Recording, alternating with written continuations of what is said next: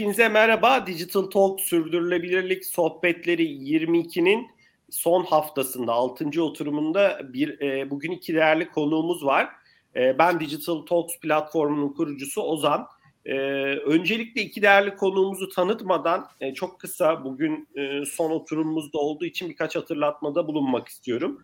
Tüm sohbetlerimizi YouTube kanalımızdan izleyebilirsiniz. Bugünkü sohbetimizde dahil olmak üzere. Ayrıca biz bu sohbetleri podcast olarak da Spotify, e, Apple Podcast, Google Podcast gibi platformlarda da paylaşıyoruz. Bunları da e, dilediğiniz zaman dinleyebilirsiniz.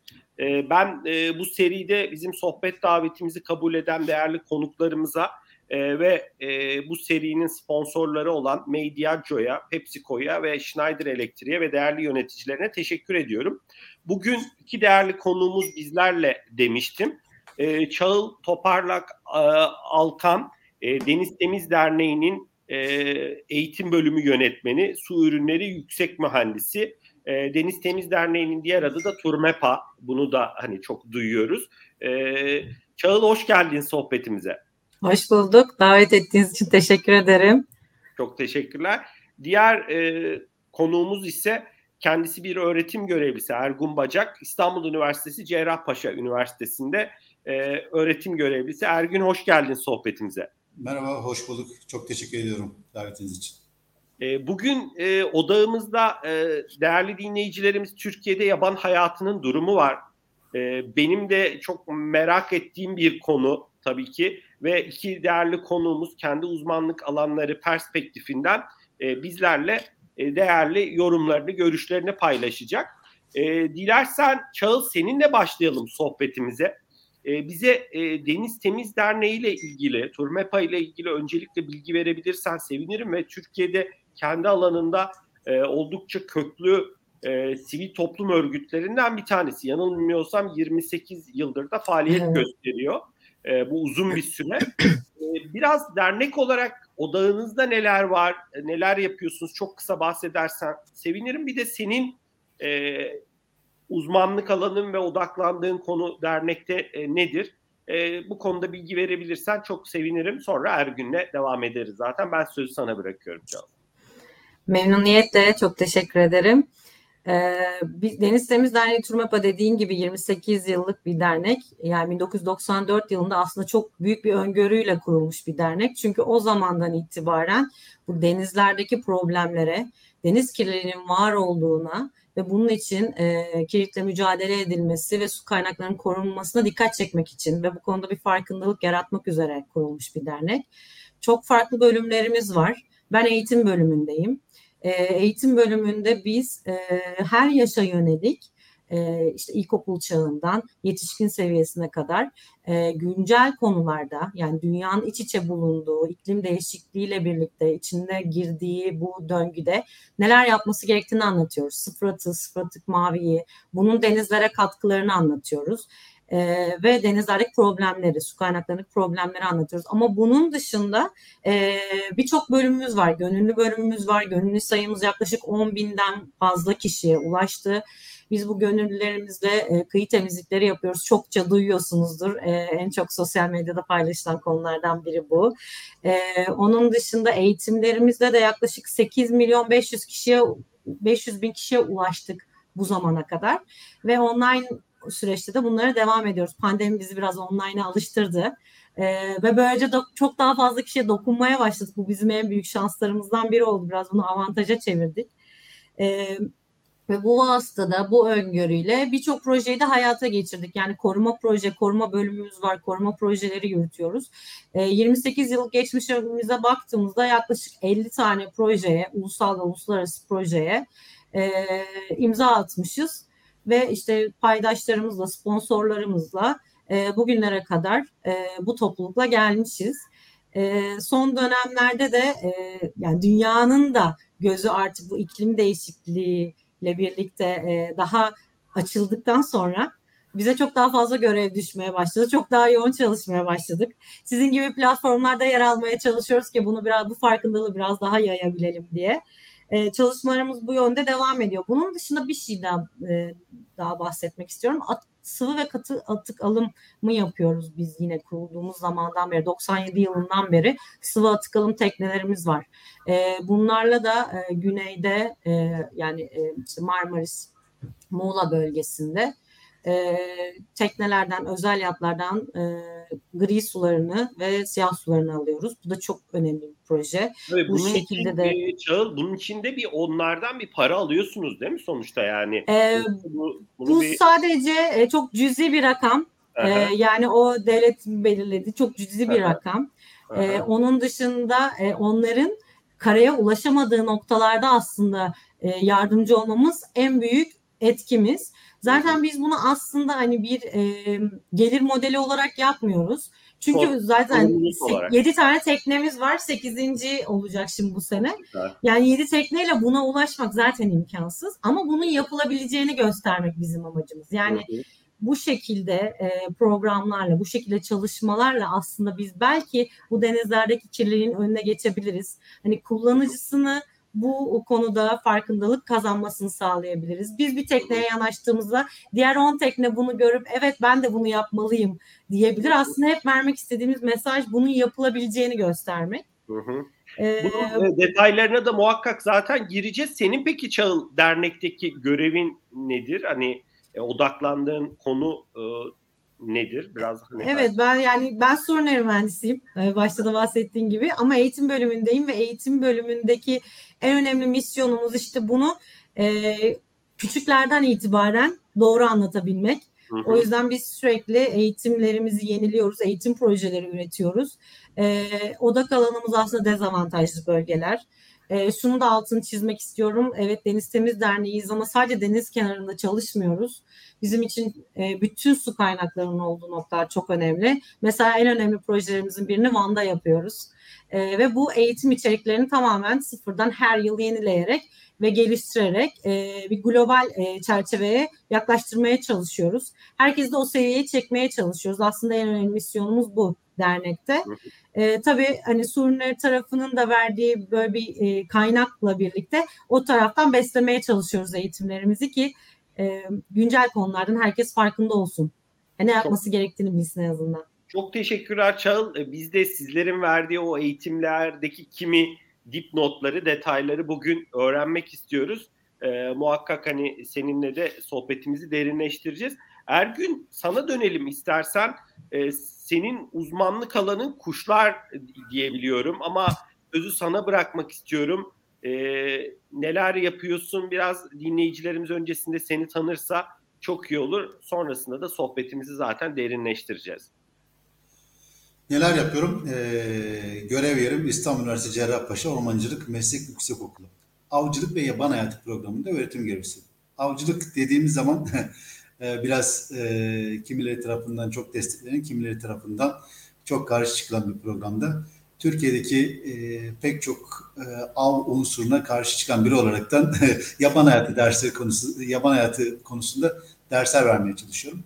Kuşlar konusunda çalışıyorum. Yaklaşık 18 e, senedir e, Türkiye'nin 70'ten fazla ilinde pek çok projede, pek çok çalışmada kuşlarla ilgili e, araştırmalarda bulundum. Yüksek lisans doktora çalışmalarımla kuşlarla, akademik çalışmalarımla kuşlarla, İstanbul'un kuşları, Türkiye'nin kuşları ilgili kitaplarda yazar olarak bulundum. hani hayatımı kuşlara adadım ama sadece kuşlarla kalmadı.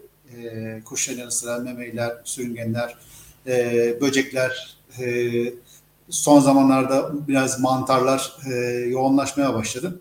Yani eğitimin yanı sıra araştırmada e, şey yapıyoruz. Zaten eğitim e, üniversitede öğretim görevlisi olarak çalışınca e, görevlerinizden birisi oluyor. Ve e, çocuklara yaban hayatının unsurlarını anlatıp önemli bir şekilde e, ne kadar önem arz ettiğini, doğa için e, Türkiye'nin doğası ne kadar değerli olduğunu, korumamız için neler sarf etmemiz gerektiğini e, öğretmeye çalışıyorum. Neden? Çünkü bizim mezunlarımız, avcılık ve hayatı programı mezunları direkt devlette çalışıyorlar. Orman muhafaza memuru ya da e, av koruma memuru olarak çalışıyorlar. Direkt temas halindeler doğayla. Onlara yaban hayvanları geliyor, yaban hayvanları bir şekilde kurtarmaya vesile oluyorlar ya da e, avcılar geliyor, avcıları eğitebiliyorlar.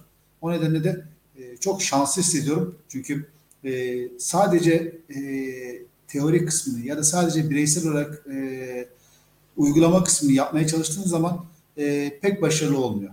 E, o nedenle de e, bir şekilde şeylere dokunabilirsem, e, devletin e, yapılanmasındaki e, bireylere dokunabilirsem, çocuklara dokunabilirsem e, ne mutlu bana diyorum. E, ki ne mutlu da bana e, geri dönüşler gayet e, iyi bir şekilde oluyor. E, çok, çocuklar... çok şanslısın Ergün yani sonuçta e, e, birlikte olduğun, eğitim verdiğin, etkileşimde olduğun kişiler somut işin içinde olunca e, müthiş bir senin için motivasyon oluyor olsa gerek e, diye düşünüyorum. E, dilersen aslında sohbetimize e, bir soruyla daha devam edelim. Hani sana ben sözü yönelteyim tekrar. E, sonra da hani Çağıl'a geçeriz. E, sonuçta uzmanlık alanın yaban kuşları. E, biraz Türkiye bize de hep coğrafya derslerinde ya da işte farklı derslerde öğretilen göç yollarının üstünde olduğu, e, buna yönelik hani tabii ki e, videolarda görüyoruz, bazen gözlemliyoruz da birey olarak. Türkiye'de biraz yaban e, kuşlar özelinde yani senin uzmanlığın olduğu için durumu nasıl görüyorsun? Türlerin sayısı azalıyor mu, artıyor mu? Azalıyorsa e, çok dramatik bir şekilde mi azalıyor? E, göç yolları üstündeyiz e, mi hakikaten? Peki iklim değişikliğiyle bu göç yolları biraz değişiyor mu? E, hani ben sözü sana bırakıyorum. Sonra denizler tarafına tabii Çağıl'la odaklanacağız. E, Ergün neler söylemek istersin bizimle? Paylaşmak ee, Şöyle diyeyim. E, zenginliğimizin pek farkında değiliz. Farkına vardığımız zaman da kaybettiklerimizin farkına varamıyoruz belki yeteri kadar. E, tam olarak farkına vardığımızda keşke şu anda farkına varmış olsaydık diyeceğiz ama e, iş işten geçecek gibi görünüyor. E, Türkiye e, bizim bölgede Batı Palarktik bölge dediğimiz bölge var. Asya'nın batısı, Afrika'nın kuzeyi ve Avrupa'nın içine alınan Batı Palarktik bölgede en önemli e, kuş coğrafyalarından birisi içerisinde. 497 tane e, kuş türü var. Son yapılan çalışmalarda bunun 313 tanesi Türkiye'de ürüyor. Hem üreyen kuş açısından çok değerli hem göçmen kuş açısından. Neden göçmen kuş açısından çok önemli? Çünkü Avrupa ve Afrika arasında bazı türler açısından Avrupa ve Güney Asya arasında nedir? Ee, bir e, transit yol olarak kabul edebiliriz. Özellikle süzülerek göç eden kuşlar dediğimiz e, kanatları uzun, geniş, e, büyük kuşlara biz süzülerek göç eden kuşlar diyoruz. Bu, bu tip kuşlar e, enerji sarf etmeden göç etmeleri gerekiyor. Enerji sarf etmeden göç edebilmeleri için de e, dar boğazları yani karaları kullanmaları lazım. İstanbul Boğazı gibi, e, Hatay gibi alanlar, Çanakkale Boğazı gibi, e, keza Çoruh Vadisi gibi alanlar bu kuşların üreme alanlarıyla kışlama alanları arasındaki e, birer e, köprü vazifesi görüyor. E, her yıl e, İstanbul üzerinden, İstanbul'da e, 2004'ten beri göç izliyoruz. E, sürekli süreklilik arz etmesi de e, fırsat buldukça izlemeye çalışıyoruz. Uzun sürelerde projeler yaptık, göçler izledik. Her yıl e, yaklaşık 1 milyon yakın leylek İstanbul Boğazı'nı kullanarak göç ediyor. 1 milyon. Her yıl e, yüz binlerce şahin, yaklaşık 400-500 bin tane şahin. Her yıl 100 bine yakın küçük orman kartalı ve binlerce atmaca, on binlerce atmaca, saz delisi, diğer delici türleri, pelikanlar hepsi İstanbul Boğazı üzerinden geçiyor, Türkiye üzerinden geçiyor. Bunlara bir de Çoruh Vadisi'nden eklenen şeyi düş, e, e, popülasyona eklerseniz ne kadar büyük bir sürünün e, Türkiye üzerinden geçtiğini düşünebilirsiniz. Aynı zamanda e, son yıllarda halkalama çalışmaları yapıyoruz. Kuş halkalama çalışmaları. Kuşları ağlarla yakalayıp e, onları belirli ölçümden aldıktan sonra onların göç yollarını e, izleyebilmek amacıyla onların bacaklarına birer halka takıyoruz ve göç yollarıyla ilgili bilgi sahibi edinmeye çalışıyoruz. Her yıl milyonlarca e, kuş Türkiye üzerinden güney-kuzey istikametinde Avrupa'dan Afrika'ya ya da Batı Asya'dan Afrika'ya, Afrika'dan Avrupa'ya senede iki defa ilkbahar ve sonbahar olmak üzere göç ediyorlar. Biz de bunlarla ilgili çalışmalar yapıyoruz. Fakat şöyle bir şey var. Ee, Türkiye bu kadar zengin ama hızla e, kuşları tehdit ediyoruz. Hızla yok ediyoruz. Yok ettiğimizin farkına vardığımız yerler var. Farkına varamadığımız alanlar çok fazla. 313 tane kuş türü ürüyor dedik.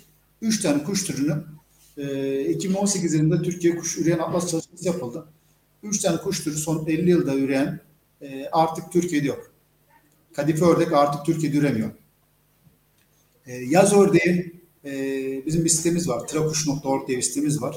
Türkiye'deki bütün kuş verilerinin toplandığı, kuş fotoğraflarının toplandığı. Bir daha alabilir miyiz sitenin adını? trakus.org Türkiye'nin anonim kuşları. Hatta kitabımız da çıktı. E, Trakus Türkiye'nin e, kuşları diye bir kitap çıktı. Çok güzel. Türkiye'de e, bu kapsamda yapılmış en iyi çal- e, en iyi kitap diyebilirim. Tan tanımlama kitabı. E, baktım fotoğraflara Trakuş'ta en son yaz ördeği fotoğrafı 2012 yılında çekilmiş. 10 senedir yaz ördeği Türkiye'de yok. 10 senedir üremiyor. Telli turna yaklaşık e, 8-10 senedir Türkiye, Türkiye'de üremiyordu. Muş'ta ürüyordu. E, neyse ki geçen sene Çorum'dan bir üreme kaydı oldu. Bu sene de aynı çift üredim. E, bizi umutlandıran böyle e, türlere bakıyorsunuz o kadar hızlı azalıyorlar ki. En büyük sebebi? Yani e, Ergün 317'de dedin 3 tanesi e, yok artık. 313'te. 3 tanesi yok artık. Ha, 313'teydi. Ha 313'te tamam ben 317 yazmıştım. Şey peki yani şu an bu 313'ün kaçı tehlike altında görüyorsun? Durumları iyi mi? Yani tablo nedir? Biraz daha hani anlamak açısından soruyorum. Ee, şöyle diyeyim, Türkiye çapında çok detaylı yapılmış çalışmalar yok. Ee, bütün popülasyonu inceleyemiyorsunuz çünkü e, şey yapabilmeniz için, popülasyonun hakkında sağlıklı konuşabilmeniz için uzun yılların e, verilerinin bulunması lazım. Yani biz daha henüz çok yeniyiz. Azalıyor mu? E, nedir? Artıyor mu? Bununla ilgili bir şey söyleyemiyoruz. Ama bazı türlerin popülasyonu gözle görülebilecek hızda azaldığı için, bu türler o üç tane tür gözle görülebilecek hızda azaldığı için bunları rahatça söylüyoruz. Örneğin işte yılan boyun diye bir türümüz var. E, artık yok tabii. E, Amik Gölü, Amik Ovası yapıldığında bitti. Artık sadece Afrika ediliyor. Fakat şöyle bir şey var. E, Türkiye'deki türlerle ilgili şeyi söyleyebilirim. E, Avrupa verilerini kullanarak da mesela e, bizde halen avlanan halen avlanmasına izin verilen üveyik. Son 40 yılda popülasyonun %78 azalmış durumda. Bütün dünya popülasyonun son 40 yılda %78 azalmış durumda üveyik. Elma baş patka. Halen avlanmasına izin veriliyor. Bakın avlayabiliyorsunuz. Günde iki tane elma baş patka avlayabiliyorsunuz bildiğim kadarıyla. Son 20 yılda popülasyon %50 azalmış. Yarı yarıya e, popülasyon azalmış. Bunlar Avrupa'da yapılan çalışmalar. Ergün, Ergün peki bir şey soracağım. Bu araştırmaların hani yapılmamasının nedeni ne? Yani buna bütçe mi ayrılmıyor, yeterli uzman mı yok, ikisi birden mi? Ya bu çok önemli bir şey yani sonuçta değil mi? Kendi e, doğal zenginliğimizin diyeyim farkında olabilmek için önce bir tabloyu analiz etmek gerekiyor. Hani bu, e, dünyada hani bunu yapan ülkeler nasıl yapıyor? Ya çok büyük bir kaynak mı gerektiriyor bu? Ne söylemek istersin bu konuda? Aslında ikisi birden art, de artılar ekleyelim biz. Önceliğimiz şey, e, bizim ilgimizi çekmiyor. Devlet olarak bizim ilgimizi çekmiyor. Hayvanların tükenip tükenmemesi pek de umurumuzda değil. Öncelikle bunu bir öncelik haline getirmemiz lazım. Doğanın ne kadar zarar gördüğünü öncelik haline getirmemiz lazım. Böyle bir politikamız olması lazım. Biz hangi türlerimizi ne hızda kaybediyoruz? Buna ne kadar bütçe ayırabiliriz? Ne kadar uzman bulabiliriz?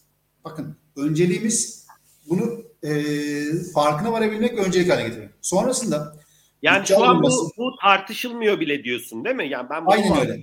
Aynen öyle. Yakın zamanda yavaş yavaş Avrupa Birliği projeleriyle e, iki senedir yapılan bir çalışma var. Bakanlığın da içerisinde bulundu. Henüz daha yeni adım atıyoruz. Atmaya başladık.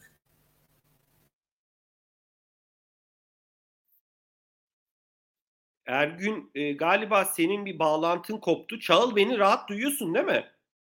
Evet evet ben duyuyorum. Ergün istersen sen bir bağlantını yani tekrar heh, şu an geldi. geldi galiba. Yani, evet. E, seni dinliyoruz. Sonra Çağıl'a döneceğim. Hani çok kısa yani şunu anlıyoruz. Bu bir e, öncelik değil şu an. Yani gündemde yok diyorsun diye algılıyorum ben. Evet yani e, önceliğimiz haline getirmediğimiz sürece e, buna ne bütçe ayırabiliriz ne yeterli uzman bulabiliriz. Evet e, önceliğimiz hale getirdikten sonra e, muhakkak özellikle e, gönüllü destekleriyle, üniversitelerle, STK'larla bu işi çözebiliriz. E, ama buna yeteri kadar da bütçe ayırmamız lazım. Bütçe ayrılmadan maalesef ki bu işler yürümüyor. Çünkü biz bunu açık açık gördük. Bizim kuşalkalama çalışmalarımız var. İki sene boyunca devam ettirebildik. Gönüllü çalışmalara devam ettirebildik. Ama bütçe olmadığı için ve destek olmadığı için bitirmek zorunda kaldık. Bu sonbaharda İstanbul'da kuş halkalama çalışması yapamadık. Bizim mesela çok büyük bir e, üzüntümüz, çok büyük bir e, yaramız. E, hani e, ilgilenen kişiler olsa bile O, buna e, her, her gün o e, göç eden kuşları halkalıyorsunuz ve onların göç yollarını e, algılamaya, anlamaya çalışıyorsunuz değil mi? E, Evet, o- aynen öyle. Aynen öyle. Yani e, uluslararası çapta yapılan çalışmalar bunlar. Hem Türkiye'de farklı lokasyonlarda yapılıyor hem de e, başka ülkelerde çok daha kapsamlı şekilde yapılıyor. E, başka ülkede yakalanan kuşların e, hangi göç yollarını kullandığı, e, ne tip göç stratejileri e, izlediği ve önemli alanların göç ne açısından kadar göçmen açısından kaldı, hangi bölgede ne kadar konakladı, kaldı. aynen öyle. Aynen Çok çok.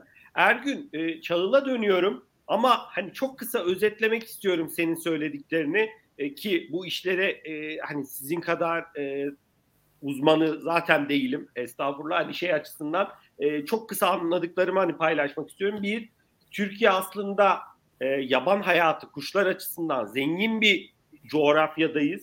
497 türün işte 313'ü şu an e, Türkiye'de vardı. Üçünü kaybettik en azından hani kesinleşmiş olarak diyorsun. E, göç yolları üstündeyiz diyorsun. Bu da bir realite ve doğru diyorsun. Ama ortada bir e, devletin e, bir politikası, bu konudaki bir e, motivasyonu diyebiliriz.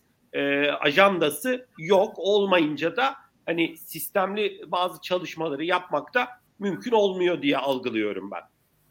Evet aynen öyle. E, fakat hani dediğim gibi te- tehlikedeki türler için iki senedir e, devam eden bir çalışma var. Bakanlığın içerisinde bulunduğu bir Avrupa Birliği çalışması var.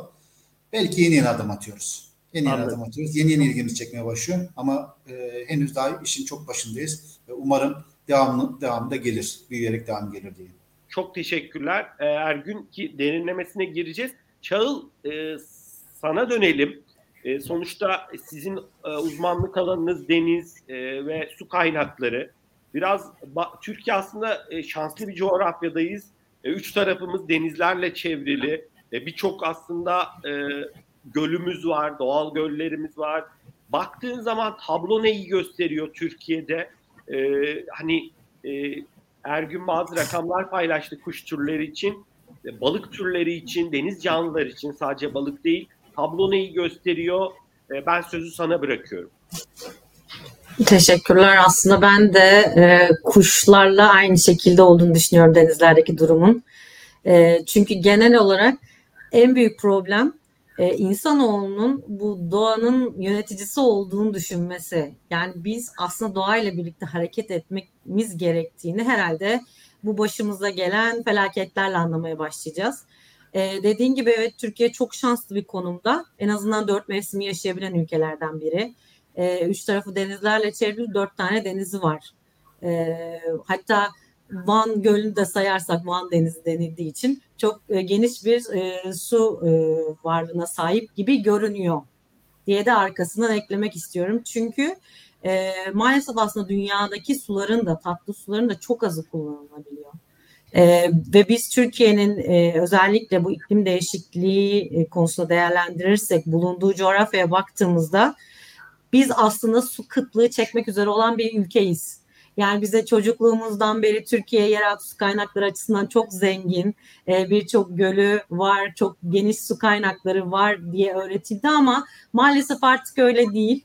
Maalesef biz su kıtlığı çekmek üzere olan bir ülkeyiz ve e, sabah kalktığımızdan itibaren yüzümüzü yıkarken başlayan bu su kullanımını ve kaynak kullanımını kesinlikle azaltmamız ve tekrar tekrar düşünmemiz gerekiyor. Aynı şey denizler için de geçerli. E, deniz bu mavi örtü sesi de çıkmadığı için hani kuşları anlamıyoruz diyor ya Ergün. Aynen onun gibi. Yani balıkları da e, anlayamadığımız için ne dediklerini, bu isyanlarını maalesef sanıyoruz ki her attığımız şeyi alır. Ama öyle değil durum. E, belki bunu bize en yakın gösteren şey müsilajdır. E, yani her şerde bir hayır vardır demek ne kadar doğru bilmiyorum ama en azından müsilajla birlikte gerçekten denizlerin ne kadar zor durumda olduğunu e, belli bir kesim anlayabildi ve önlemler al- almaya çalışıyor diyeyim. Çünkü önlemlerin de net olarak alındığını çok fazla düşünmüyoruz. Ya da zaten bu hemen yapılabilecek bir şey değil. Yani biz yıllardır bu kaynakları kullanıyoruz ve çok hunharca kullanıyoruz. Ve bunun geri dönüşü maalesef e, çok yavaş olacak. Ki geri döndürebilirsek.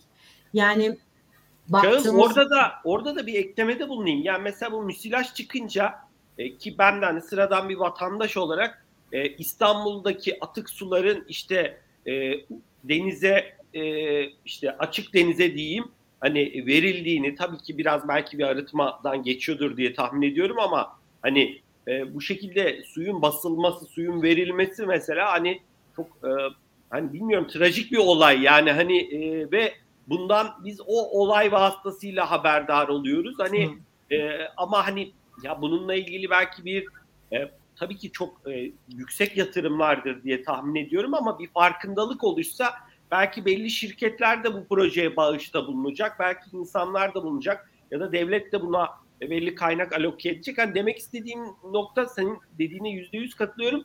E, anca bir sorun olduğu zaman o sorunu e, düşünmeye başlıyoruz ama e, çok da geç olmuş olabiliyor. Ben sözü sana bırakıyorum hani uzatmayayım. Yani evet maalesef.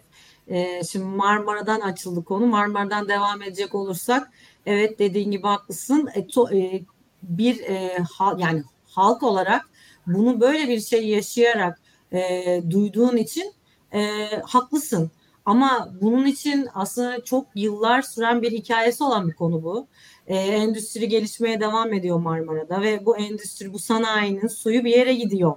Yani bu e, çok daha önce önlem alınması gereken bir şeydi. Ve açık denize veriliyor demen e, ne ben bir e, şey e, parantez açmak istiyorum. Maalesef Marmara kapalı bir deniz. Açık Marmara derken yanlış söyledim yani denizin e, derinliklerine, ilerisine demek istedim. Özür diliyorum. Aslında ben o, özellikle onun altını çizmek istedim çünkü çok doğru söyledin. Yani e, birçok insan e, 600 metre işte bir kilometre açığa gidince açık denize ulaştığını düşünüyor ama maalesef Marmara Denizi bir havuz gibi ve su Doğru. sirkülasyonu o kadar az ki yani bir havuzu düşünün ve sürekli oraya bir musluktan e, su, su girdiğini, farklı bir çeşitli su girdiğini düşünün ve o havuz tabii ki yosun tutacak. Tabii ki o, yas, o havuz kokmaya başlayacak. Evet. Aynı Marmara'nın yaşadığı durum bunu gösteriyor ve bu aslında Marmara'nın bir çığlığı oldu. E, bundan sonra bir işte Marmara Eylem Planı oluşturuldu. Biz de o eylem planında eğitimlerle mesela dernek olarak görevlendirildik. Evet bir şeyler yapılıyor. Bir üç yıllık proje yapıyoruz mesela eğitim ve farkındalık projesi işte 60 bin kişiye ulaşacağız öğrenciye işte 5 binden fazla öğretmene ulaşacağız. Fakat hani sadece bu farkındalıkla olabilecek bir şey değil. değil. Ben sana ulaşıyorum, Ergün'e ulaşıyorum, diğerlerine ulaşıyorum ama e, arıtmaysa konu ve ileri bir biyolojik arıtma yapılması gerekiyorsa bu, bu sistemlerin işlemesi gerekiyorsa bu regülasyonların evet, yani bu regülasyonun uygulanması lazım. E, bunun denetlenmesi lazım. Buraya yatırım yapılması lazım. Ve bir an önce e, bunun e, müdahale edilmesi lazım. O zaman ilk müsilaj oluştuğunda işte birçok tabii ki akademisyen hocamız bununla ilgili araştırmalar yaptı. Herkes çıktı televizyonlarda konuştu ve şu çok güzel bir cümleydi. Yani bugün biz o muslukları kapatsak en az 5 yılda biz e, bunun belki geri dönüşünü görme şansımız var. Ve son yapılan işte yazın da araştırmalar devam etti. Yapılan çalışmalar şunu gösteriyor. Aslında Marmara'nın belli bir derinliğinden sonra maalesef oksijen sıfır noktasına yaklaşmış durumda. Yani hayat biz, yok yani. E, yani Karadeniz'i anlatıyorduk ya 200 metreden sonra hayat yoktur. E, Marmara'yı e, bu hale getirmeye başladık. Bu çok üzücü çünkü Marmara etrafında 25 milyon kişi yaşıyor. E, çok ciddi bir su yolu yani dünya üzerinde çok stratejik bir su yolu. E, Birçok Karadeniz'de durum nasıl peki? Yani Karadeniz tabii yani, Karadeniz'de de hep şunu duyardık e, Tuna Nehri yanılmıyorsam değil mi? Yani yukarıdan hı hı. geliyor. Bütün Avrupa'nın işte atıkları var. O Karadeniz'e Hani tablo ne orada? Hani Karadeniz çok kirli bir deniz mi şu an? E, gitgide de daha da mı kirleniyor yoksa e, pozitif haberler verebiliyor musun bize? Ve Türkiye'nin tabii bundaki payı ne? Yani biz Marmara'daki gibi e, Karadeniz'de ve Ege'de ve aşağıda Akdeniz'de de mi e, aynı e, hoyratlıkta yaklaşıyoruz? Nasıl tablo? Yani güzel şeyler söylemeyi çok isterdim. Ee, güzel şeyler de söylemek istiyoruz ama maalesef e, tablo çok iç değil. Ama karamsar da olmamak lazım. Onu da her zaman söylüyoruz. Yani karamsarlıkta e, artık herkes çünkü mücadeleyi bırakıyor. Biz mücadele etmemiz lazım çünkü e, Ergün'ün de biraz önce söylediği gibi biz bazı şeyleri kaybettikten sonra değerini anlıyoruz. Hı hı. Bizim amacımız burada işte kaybedilmek üzere olanı göstermek. Karadeniz'de de durum e, maalesef pek parlak değil. Çünkü evet Tuna Nehri kirletiyor dedik ama maalesef biz de kirletiyoruz. Yani Karadeniz'deki nehirlerden sürekli evsel atık e, denize ulaşıyor. Yani biz bu e, nehirleri, bu e, atık kontrolünü sağlamazsak belki sıfır atık projesi e, bunun e, bir nebze olsun e, önüne geçmeye çalışıyor ve bazı önlemler alınıyor ama halen Karadeniz'in nehirlerinden e, denize çok ciddi bir atık karışması söz konusu. E, ve başlıca atıklarda plastikler maalesef. Yani plastikler kanser hücresi gibi. Yani bir plastik e, üretmek çok kolay. Saniyeler içerisinde üretilen bir plastik maalesef dünya üzerinde hiç yok olmuyor. Yani bir tek denizlerde bu şey söz konusu değil. Toprakta da aynı şekilde. Yani plastik mikroplastiklere dönüşüyor. Belki bizi hiç görmüyoruz. Ama yapılan bilimsel çalışmalar bize şunu gösteriyor. Biz her hafta bir kredi kartı büyüklüğünde plastik tüketiyoruz. Bunu o suyun içine suyla... karışıyor. Yediğimiz Aynen, belki balıkla... hayvanların e, bünyesine karışıyor. Aynen. Balıklara, e, işte kuzulara vesaire vesaire. Buğdayla yani Buğday. her şey yediğimiz makarnada, ekmekte Doğru. yani bu her yerde ve e, belki de en başta işte diyoruz ya farkındalık yapmamız gereken şeylerden biri bu. Muslukları kapatmak, tek kullanımlık ürün kullanımından vazgeçmek. Yani çünkü bu kanayan bir yara ve e, böyle insanlar şey düşünüyor. Ya ben bir kişi bugün bir tane plastik kullansam ne olur ki? Ama e, biz dünya nüfusunun 8 milyardan fazla olduğunu düşünürsek ve herkesin bir günde sadece bir pipet kullandığını düşünürsek günde 8 milyar pipet kullanılıyor ve üretiliyor. Yani çok Şöyle, ciddi bir şey tarafında da hani e, şöyle bir havada olmasın. İlerleyen dakikalarda sizin sizlerin somut çözüm önerilerini de muhakkak konuşacağız. Hı-hı. Şey tarafında hani Ergün e, istatistik verdi ya yani şu kadar Hı-hı. tür var dedi.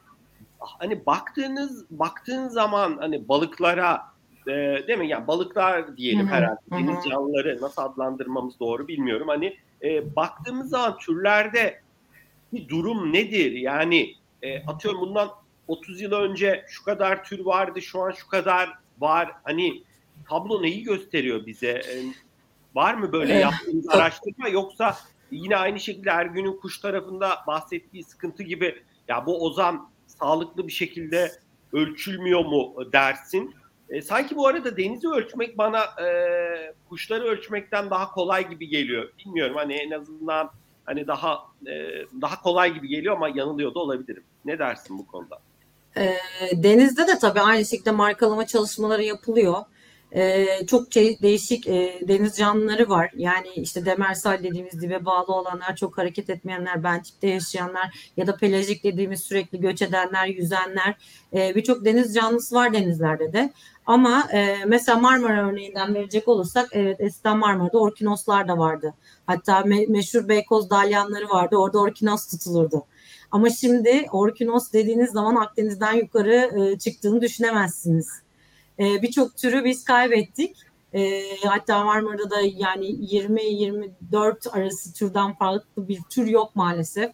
Zaten siz e, yani burada yaşayan insanlar olarak da tabii balık e, balık almaya gittiğinizde her gittiğiniz yıl o türlerin azaldığını görüyorsunuz. Yani ister istemez böyle bir durum söz konusu. Fiyatının Bazıları da görüyoruz doğal olarak evet, evet. azalınca sayısı. E tabi.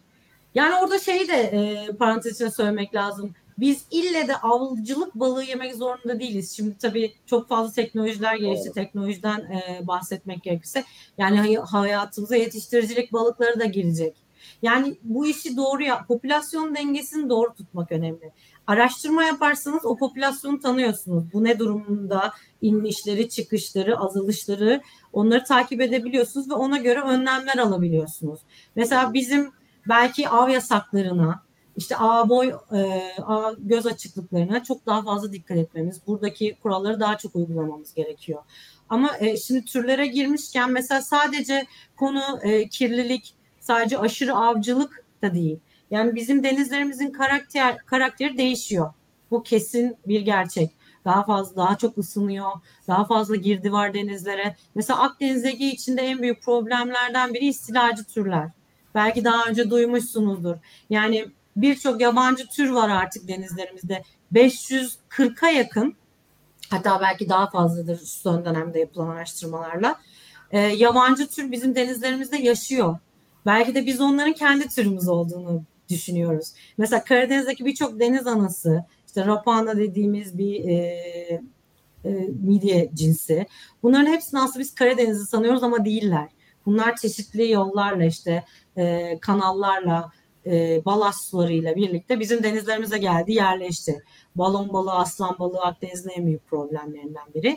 Bunlar neden oluyor? Çünkü biz orfozu, laosu, akyayı e, yani kendi Akdeniz endemik türlerimizi e, aşırı olarak avladık. Onların habitatlarını yok ettik. Onlara yaşam alanı tanımadık. E ne oldu? Yeni gelen türler kendilerine bu habitatlarda yer edindi. Artık onlar baskın tür hale geldi.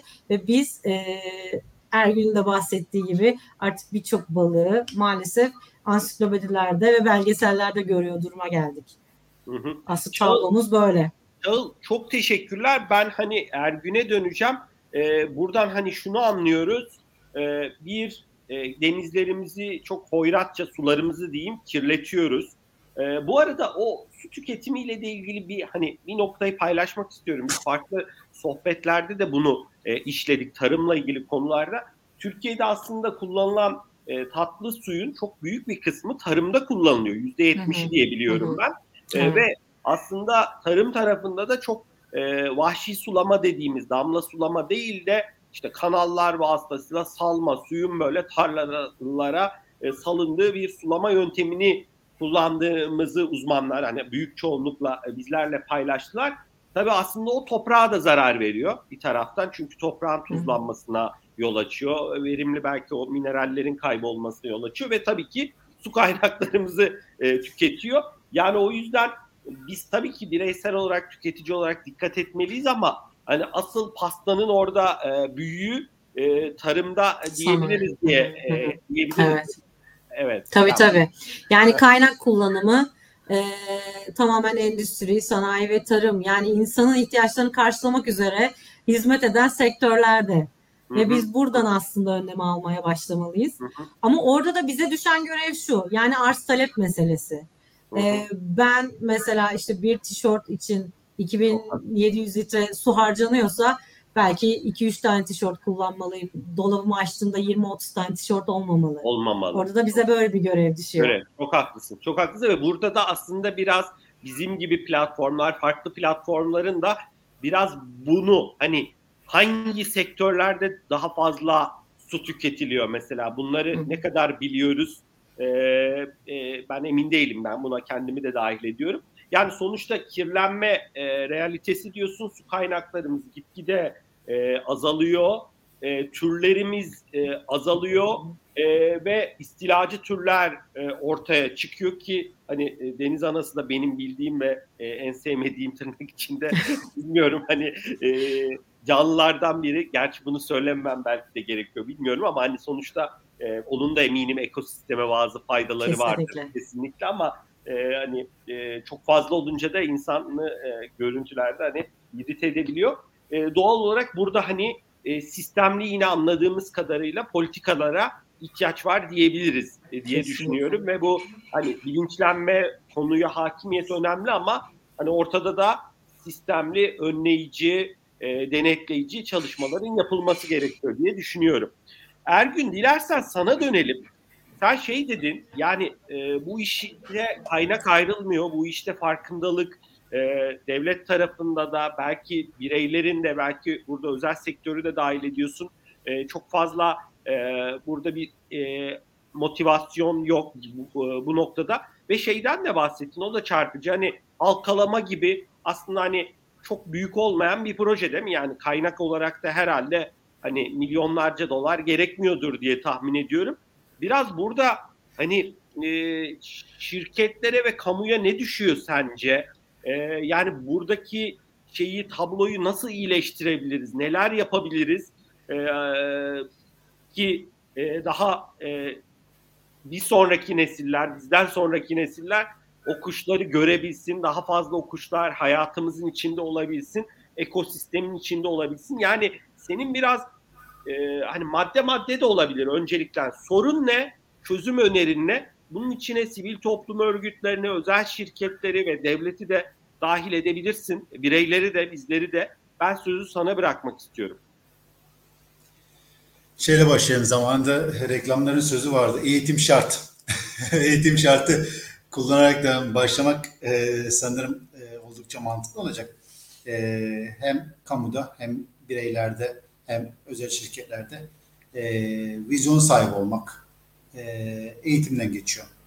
Sizin öngörünüzün olabilmesi için, geleceğe iyi yatırım yapabilmeniz için, gelecek nesli kurtarabilmeniz için doğayı kurtarabilmeniz lazım. Doğayı kurtarabilmek için de e, artık e, bizim çekilmemiz yetmiyor. Bizim çabalamamız lazım.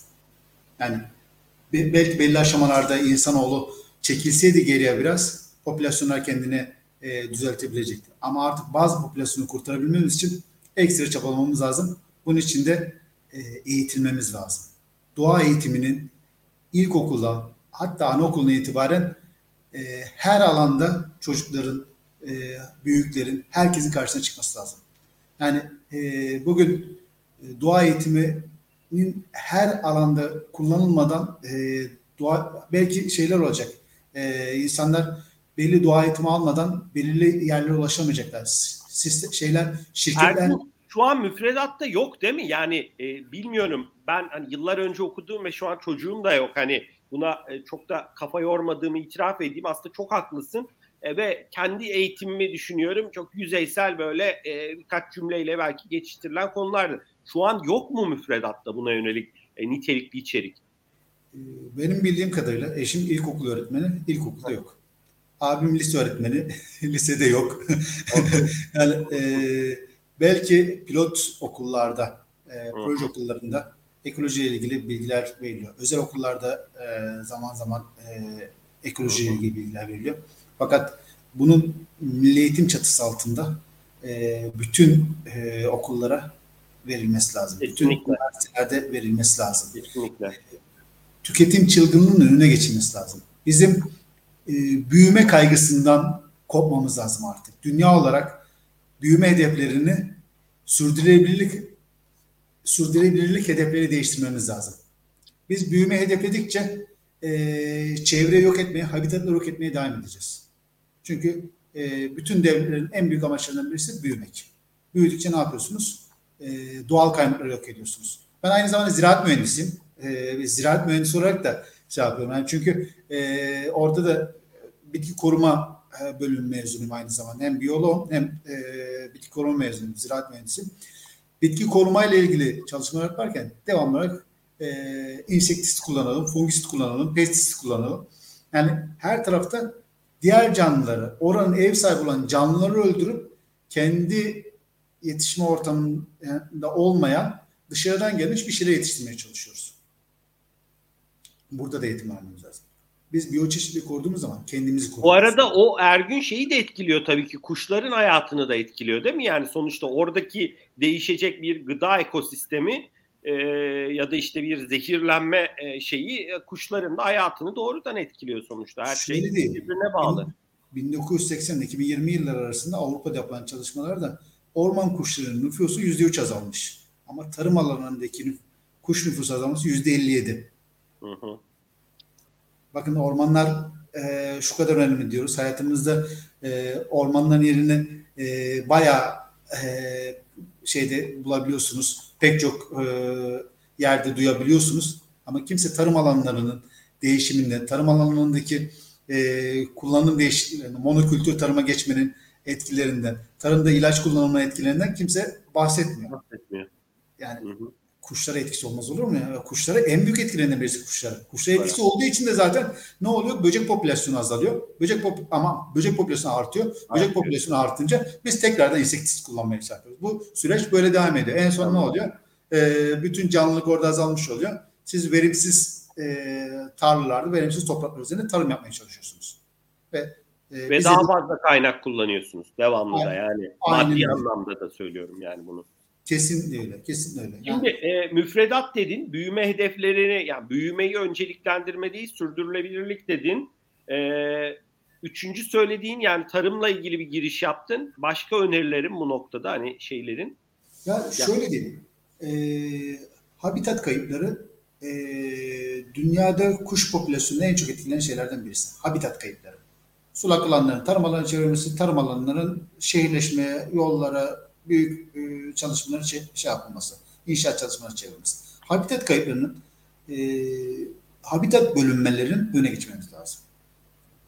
Habitat çünkü bir, e, bir bütündür. Bölündükçe yani siz 100 metrekarelik alanı ikiye böldüğünüz zaman iki tane aynı sağlıkta 50 metrekarelik alan elde edemezsiniz. Çok güzel. Yani 100 metrekarelik alanda bir canlı yaşıyorsa, iki canlı yaşıyorsa 50 metrekarelik alan, iki tane 50 metrekarelik alanda iki canlı yaşamaz. Bir canlı bile zor yaşar. Biz mantık olarak şey yapıyoruz. Ee, keza orman politikasının değiştirilmesi lazım. Ağaç dikmekle orman elde edilmez. Ben şey diyorum. 10 tane ağacı, 10 tane insanı bir araya getirdiğiniz zaman aile oluyor mu? Olmuyor. 10 tane ağacı bir araya diktiğiniz zaman da orman olmaz. Orman bir ilişki bütünlüdür mantarları vardır, ağaçları vardır, çalıları vardır. O yüzden de e, biz ormancılık politikasını muhakkak gözden geçirmemiz lazım. Tarım politikasını gözden geçirmemiz lazım. E, pek çok şey var. Avlanma. Avlanma bir insan gerçeği belki de. Yani e, atalarımızdan beri yapıyoruz. Ama kotaları belirlerken e, kamu baskısını, avcı baskısını değil, bilimsel verileri değerlendirmemiz lazım. Bakın Şu an o çok dikkate alınmıyor mu Ergün? Yani orada Maalesef. kotalar çok mu e, yüksek? Yani türlerin e, devamlılığını tehdit eder seviyede mi? Ne demiştim? Son 40 yılda üvey popülasyon %78 azaldı. Bunun en önemli faktörü avcılık. Hı hı. %78 azalmanın en büyük faktörü avcılık. Mısır'da dahil olmak üzere bakın Mısır bu sene e, üveyi yasakladı. Avrupa'nın pek çok ülkesi üveyik avlanmasını yasakladı. Ama bizde hala üveyik serbest. Elma başbatka bizde halen serbest. Son 20 yılda %50 azaldı. Hı hı. Bilimsel verilerle hareket etmemiz lazım. Hareket etmek. Bakın elimizde veri var. Veri varken bu veriler üzerinden bir şekilde gitmemiz lazım. Keza e, büyüyoruz. Sana Birçok- bir şey sorayım mı Ergün? Habitat kayıpları dedin. Şimdi mesela e, Türkiye'nin hani belli böyle e, doğal parkları, belli alanlar, belirlenmiş belli bölgeleri var değil mi? Yani buralara do- e, yani e, belki kağıt üstünde mi var yoksa hakikaten buralar dokunulmuyor mu? E, oradaki habitat korunuyor mu? E, hani bunu e, Çağıl da belki cevaplamak isteyebilir. Hani ekstra olarak hani bir takım böyle alanlarımız var mı e, koruduğumuz oldukça E, yoksa e, hani her yere giriyor muyuz e, vatandaşlar olarak? Aslında var. Tabiat parkları, milli parklar, tabiat koruma alanları bu tip alanlarımız var. Ama e, bir kısmı haricinde ne kadar korunduğunu çok iyi şey yapmamız lazım. E, değerlendirmemiz lazım. Son yıllarda maden çalışmaları, maden sahalarıyla beraber pek çok doğal koruma alanımız, korunması gereken alanın e, bayağı zarar gördüğünü, e, şeye açıldığını, maden sahasına açıldığı ya da kamu yararı gözetilerek e, kamu yararı adı altında pek çok yerin inşaat çalışması yapıldığını, yol yapıldığını açık açık görüyoruz. görüyor. Hiç koru hiç korunmuyor değil mi? Hiç yani tabii ki korunan alanlar var. Ama bunların sayılarında e, ve niteliklerinde e, iyi şey yapmamız lazım. Biraz daha kaliteye gözetmemiz lazım. Daha e, iyi şekilde korumamız. Belki hiç müdahale etmememiz lazım ki mesela işte ormancılık politikası diyor. Ormanda e, en büyük e, canlılık kaynaklarından birisi hasta ve e, yaşlı ağaçlardır. Ama ormancılık politikasında şeydir. Yaşlı ve hasta ağaçları ormandan alırsınız. Ama bütün ağaç yıkanlar oraya yaparlar. Bütün sıvacı kuşları o ağaçlara yuva yaparlar. Sağlıklı ağacı o yapmazlar. Çünkü sağlıklı ağacı e, delmek mümkün değil. Ama e, siz e, ormancılık politikasında yaşlı ve hasta ağaçları ormandan çıkarıyorum derseniz işte o zaman e, ekolojik şeyle çelişirsiniz. Bu arada, bu arada Ergün orada orman demişken e, ben de bu yangın döneminde bazı böyle orman uzmanlarını takip ediyorum Twitter'da. Hani akademisyenler, senin gibi değerli kişiler. Mesela e, çok e, hani bilmediğimiz tespitlerden onu. Ya kardeşim dokunmayın orayı. Tabii ki belli yanmış belki küçükler falan anlamıyor ama oraya dozer mozer sokmayın. Oradaki kozalaklardan, oradaki tohumlardan zaten bir yağmur yağdığı zaman e, yavaş yavaş orada yeşillenmeler, şeyler, filizlenmeler olacak ki bazı fotoğraflar da paylaşıyor ama e, biz buna özel sektörü de davet, dahil ediyorum maalesef. Kim özel e, şirketleri hemen işte ağaç dikelim. Tabii ki hani e, değişik vakıflara isim de verebiliriz. Temaya vesaire bağışta bulunabiliriz. Çok güzel. Bizim de ağırladık da genel müdürlerin ama ya oraya dokunmayalım. Hani yani orada zaten büyüyecek şey ağaç ama bunu mesela eğitimli insanlar bile Hani e, ben de orman e, uzmanını takip ettiğim için öğrendim. Hani bunu da kimse anlatmıyor. Bir bakıyorsunuz şirketler işte PR kampanyası bir şu kadar fidan dikeceğiz. Oraya dikmeyin. Hani kardeşim tırnak için hani çünkü orada zaten büyüyecek filan. E, hakikaten burada yani e, e, profesyonel dünyadaki insanların da bence e, bilinç düzeylerinin arttırılması gerekiyor diye düşünüyorum. Yani Çağıllar belki çok güzel e, çocuklara, gençlere eğitimler veriyor ama acaba özel sektördeki insanlara da bu tip programlar olsa mı Çağıl? Bunu seninle Ergün e, hocam sizinle konuşuruz. Hani biz de buna ön ayak olmak için elimizden geleni yaparız. Bu da hani e, şu an e, aklıma gelen bir öneriydi. Ben sözü sana bırakayım Ergün sonra Çağıl'a dönelim. Kusura bakma biraz fazla uzattım. Konuya şeyden başladık ki eğitim şart. Ekolojik evet. okur yazarlık eğitimi. Yani evet. e, her kademede her insan bir şekilde ekolojik okur yazar e, olması için çabalamamız lazım. Bunun devlet politikası, şirket politikası, e, kurum politikası haline getirebilmemiz lazım. Yani bunun için de e, bakın eğitimde insanlar bile diyorsunuz. Akademik anlamda eğitim almış, üniversite bitirmiş, yüksek lisans doktora yapmış pek çok e, konuda şey insan ama ekolojik okur yazar değil. Ekolojik okur yazar olmadığı için de hani e, iyi niyetli ormanı, olsa yanlış şeyleri imza atabiliyor. Aynen öyle iyi niyetli de olsa yanlış şey yapabiliyor. Eğer ekolojik okur yazar olsa bakarsınız bir iki sene o yanlış alana. Çünkü e, bu coğrafyada Akdeniz coğrafyasında yangın ekosisteminin en önemli parçalarından birisidir ve bu şekilde gelmiştir. Yani doğada Doğa da kendini yeniliyor orada. Kesinlikle öyle. Ya, yangın hayat kaynağıdır orada. Başka bir yerde e, yaşlı ağaç hayat kaynağıdır. Başka bir yerde e, dere mesela dereler hiçbir zaman boşa akmaz Dereler boşa akıyor. Biz bundan e, şey elde edelim, enerji edelim. Dereler boşa akmaz hiçbir zaman. Onların elbet bir sebebi var. Orada siz o dereyi durdurduğunuz an, durdurduğunuz an dere kuşları artık üreyemezler. E, alabalıklar artık göç edemezler. O yüzden de yani doğa bizden çok daha eski. Dünya bizden çok daha eski.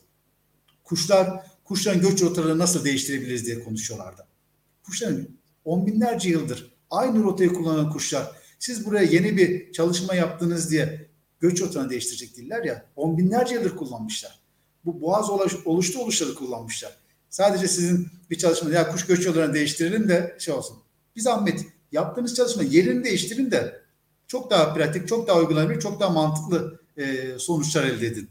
Çok konuşuyorum. E, şey yapabilirim. Yani, çok teşekkürler. Ee, yani e, eğitimin önemini konuştuk. Şirketlerin bu noktada farkındalıklarının yüksek olması çok önemli dedik. Hani büyüme e, değil sürdürülebilirliği hedeflemek zaten eğer hani bu şekilde giderse ilerleyen dönemde zaten hani şirketin operasyon yapacağı bir habitat kalmayacak yani belki de e, hani dünyadaki farklı e, felaketleri de görünce e, ve bilimsel verilerle ha- hareket etmenin önemine vurgu yaptın ve doğayı biraz kendi başına bırakmak, doğal akışını bozmamak lazım dedin. E, Çağıl ben sana dönüyorum. Senin bu noktada yorumların biraz daha deniz tarafı e, tabii ki farklı alanları da e, ekleyebilirsin. Ben sözü sana bırakmak istiyorum. E, konu eğitimdeyken ben de oradan başlayayım o zaman. E, aslında evet müfredatta yoktu e, eko, ekoloji dersleri ama e, geçen yıldan itibaren aslında Milli Eğitim Bakanlığı'nın bu konuda ciddi bir çalışması var. E, bize de zaman zaman danışıyorlar. Bizimle de birlikte proje yapmak istiyorlar. ve e, bu EBA dediğimiz eğitim bilişim ağı özellikle bu pandemi döneminde çocukların online olarak bu filmleri izledikleri, eğitimleri aldıkları platformlarda çok fazla ekoloji filmi, e, bizim de var 17 tane kaynak filmimiz yüklendi ve bu konuda müfredat çalışmaları devam ediyor. Bu çok güzel bir haber bence. E, çünkü biz okullara hep dışarıdan eğitim talep formlarıyla işte çeşitli protokollerle girmeye çalışıyoruz. Hala protokollerimiz var. Ama bunun diğer taraftan hani milli eğitim tarafından da benimsenip e, müfredata girmeye çalışması güzel bir e, şey bizim için. Ben böyle bir ufak bir parantez açmak isterim bu konuda. Çünkü bu e, özellikle işte Paris İklim Anlaşması taraf olmakla birlikte başlayan bir süreç bu. Nasıl hani bütün bakanlıklar bu konuda eyleme geçmeye başladıysa Milli Eğitim Bakanlığı aslında en hızlı girenlerden biri diyebiliriz. E, bu sürdürülebilir kalkınma amaçlarının da odaklarına aldıkları bir eğitim şeyleri var. Planlamaları var. E, bu güzel bir haber. Ama biz biz mesela okula gittiğimizde bir çocukla eğitim yaptığımızda zaten bu çocukların aslında farkındalıkları çok yüksek geliyorlar. İşte sosyal medya, işte sosyal medyayla erkenden tanışmaları, dijital ortamı gayet iyi tanımaları, uluslararası şeyleri takip etmeye falan çok fazla veriyle geldikleri için aslında birçok büyük ve yetişkine göre çok daha farkındalığı yüksekler. O yüzden biz hemen odamızı şeye çevirdik. Ebeveynlere, ailelere, e, oradan işte e, şirketlere dediğiniz gibi. E, bu konuda da belki bizim şanslı tarafımız e, biz bu sürdürülebilir kalkınma amaçlarının da 17. maddesi olan amaçlar için ortaklıklar kısmında e, çok iyi e, paydaşlarla çalışıyoruz. Şirketlere e, yetişkin eğitimi de veriyoruz. E, ama dediği gibi Ergün'ün de senin de dediğin gibi yani eğitime başladığımız zaman bir ön test son test hani bir ölçüm var ya e, eğitime başladığımız anla o bir saat sonraki eğitim sonrası çıktıkları e, an arasında çok büyük uçurumlar oluyor. Yani e, eğitimi küçük yaşlarda alıp onunla birlikte o farkındalıkla birlikte herhangi bir mesleğe yönelmek dediği gibi ekolojik okur yazarlık, okyanus okur yazarlığı, deniz okur yazarlığı yani bu konudaki algısı açık olarak ilerlemek e, belki de bizim doğayı desteklemek için yapabileceğimiz en büyük şeylerden biri. E, bu ben ümitli tarafındayım. Yani bunun gitgide daha iyi olacağını düşünüyorum. Çünkü görüyorum ki e, artık özel şirketlerde bu konuda e, bir eyleme geçmeye çalışıyor. Mesela işte sizin programınız da öyle. Yani bunları mü- mümkün olduğu kadar desteklemeye çalışıyorlar. İşte çevre projelerini desteklemeye çalışıyorlar gibi. Ee, onun dışında ben biraz bireysel sorumluluklara değineceğim.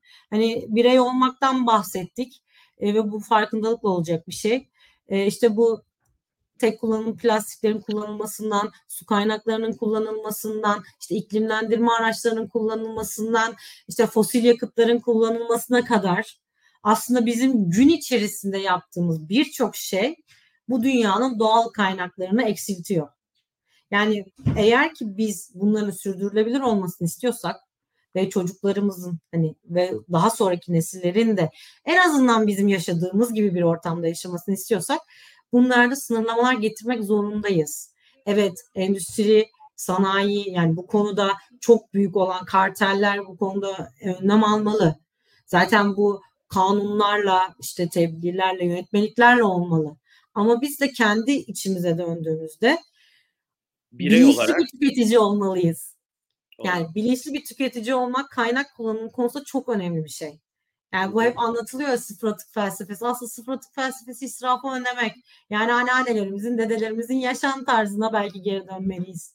Yani bu kadar fazla tüketmemeliyiz. Mevcudu mümkün olduğu kadar iyi kullanmalıyız ki yeni bir kaynak üreti kaynağın kullanılarak yeni bir şey üretilmesine e, neden olmayalım ya da bunu minimumda tutalım gibi bir farkındalık kazanılması da önemli. Farkındalık ee, demişken Çağıl aslında orada bir hani yorumda bulunayım. Belki Ergün'ün senin de e, katkın olur. Ya şeyi düşünüyorum. Bizim hani bakanlıklarımızın bütçeleri var işte fe, e, farklı kamu kurumlarının.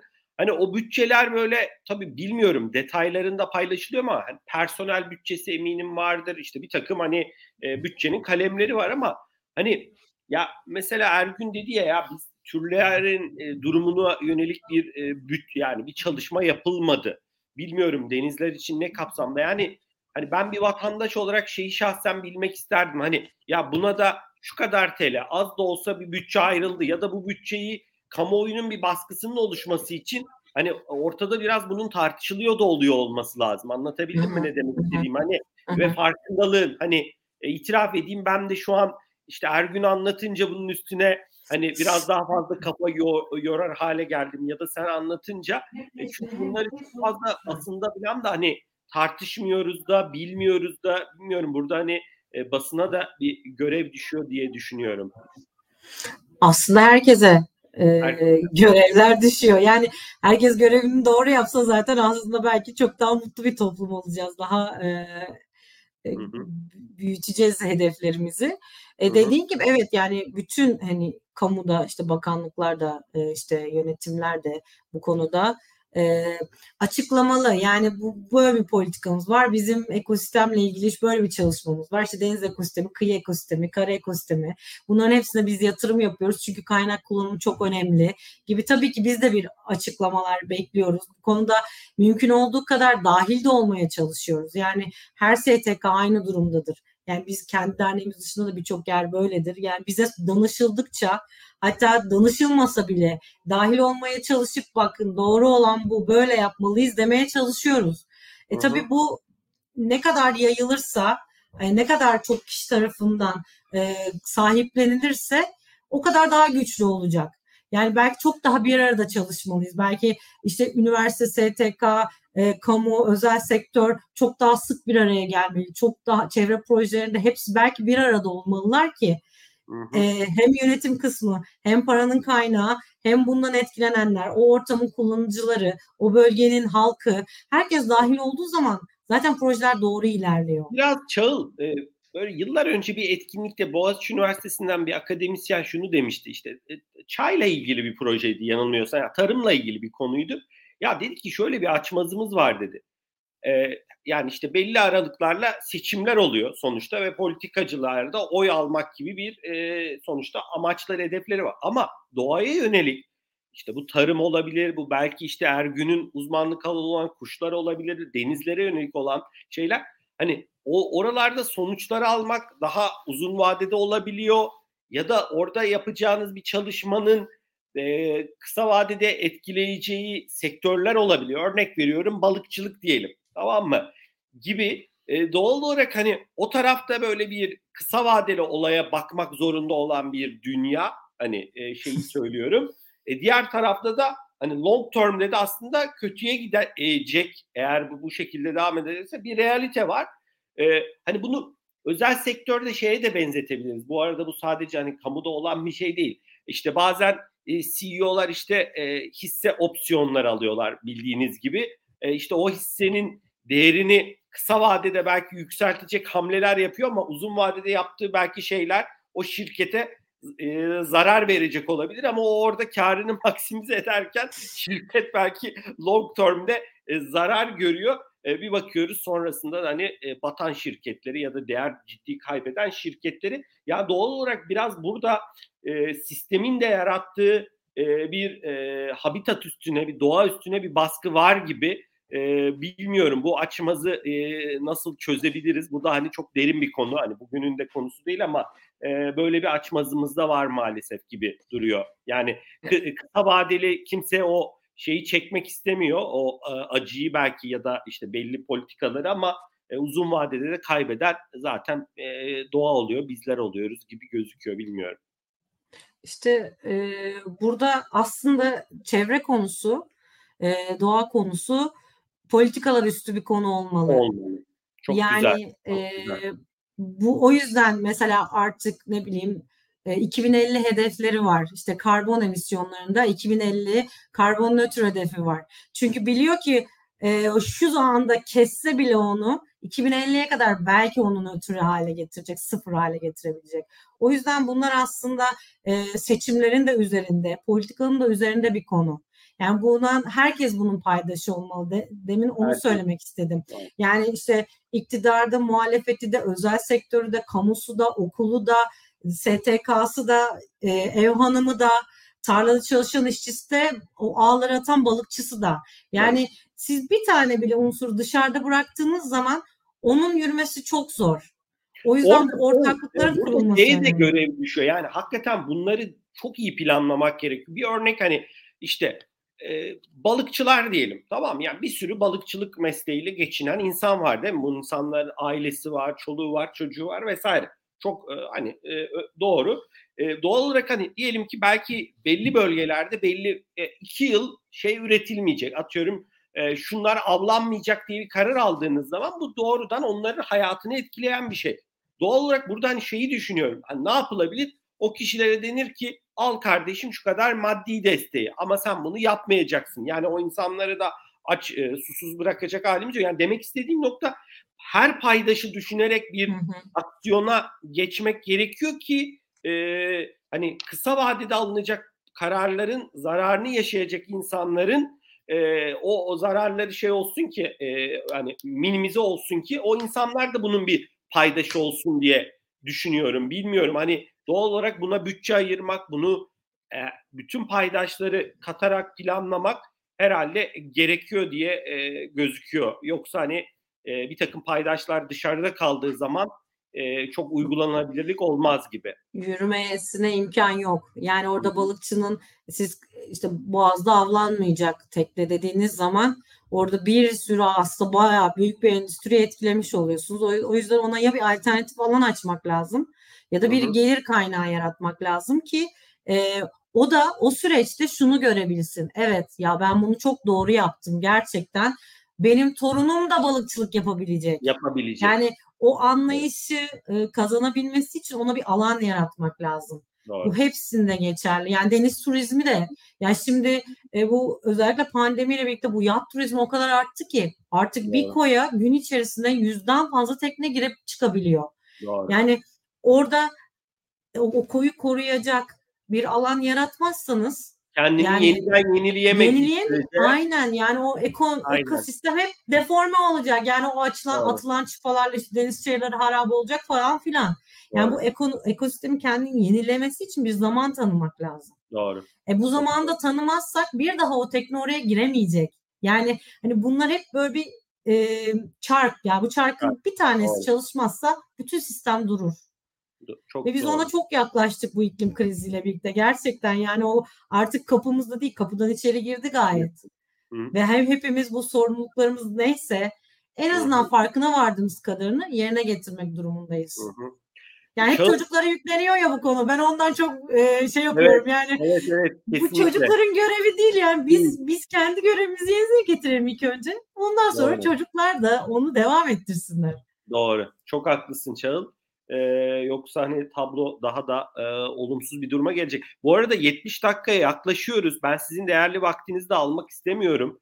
Ee, Ergün hani bu son konuştuklarımız çerçevesinde senin ekleyeceklerin var mı? Ee, yani sohbetimizde dilerseniz hani sizin için de uygunsa 5 dakikaya birlikte kapatalım. Bu arada ben e, çok da notlar aldım. Ekolojik e, farkındalık konusu bence çok değerli. Şirketlere de burada çok e, görev düşüyor. Profesyonel dünyadaki insanlara da. Bu konuda da iletişimde oluruz. Bir de ilerleyen dönemde derinlemesine belki farklı konulara yine girebiliriz. Bu sefer daha da spesifik bir alan belirleyip daha e, hani konuşup e, sizlerin e, değerli bilgilerinden faydalanabiliriz. Ben Ergün sözü sana bırakıyorum. E, sonra Çağıl senin de yorumlarını alıp e, bu keyifli, e, öğretici e, sohbeti birlikte sonlandırabiliriz. Ee, biraz kuşlardan sapıp daha çok habitat bozulmaları, biraz daha e, sürdürülebilirlik, doğanın korunması ile ilgili konuştuk ama e, bunlar korunmadan e, kuşları korumamız, kuşlardan bahsetmemiz mümkün değil. E, Çağla'nın bahsettiği gibi aslında ben şöyle diyeyim. E, çocuklarımıza borç, e, miras bırakmayalım. Bu borç e, kötü bir doğa bırakmayalım maalesef ki reddi miras yapma şansları da yok. Biz bu mirası bırakırsak reddi miras yapma şansları da yok. E, mecbur kabullenecekler ve e, bizleri pek iyi anlayacaklar. O yüzden hep birlikte şimdiden e, bugünden e, başlayaraktan ilerleyelim. Yani e, şey var. Bir de devlet yapsın, şirketler yapsın, o yapsın, bu yapsın. Peki ben ne yapayım? İşte bir, önce biz yapalım.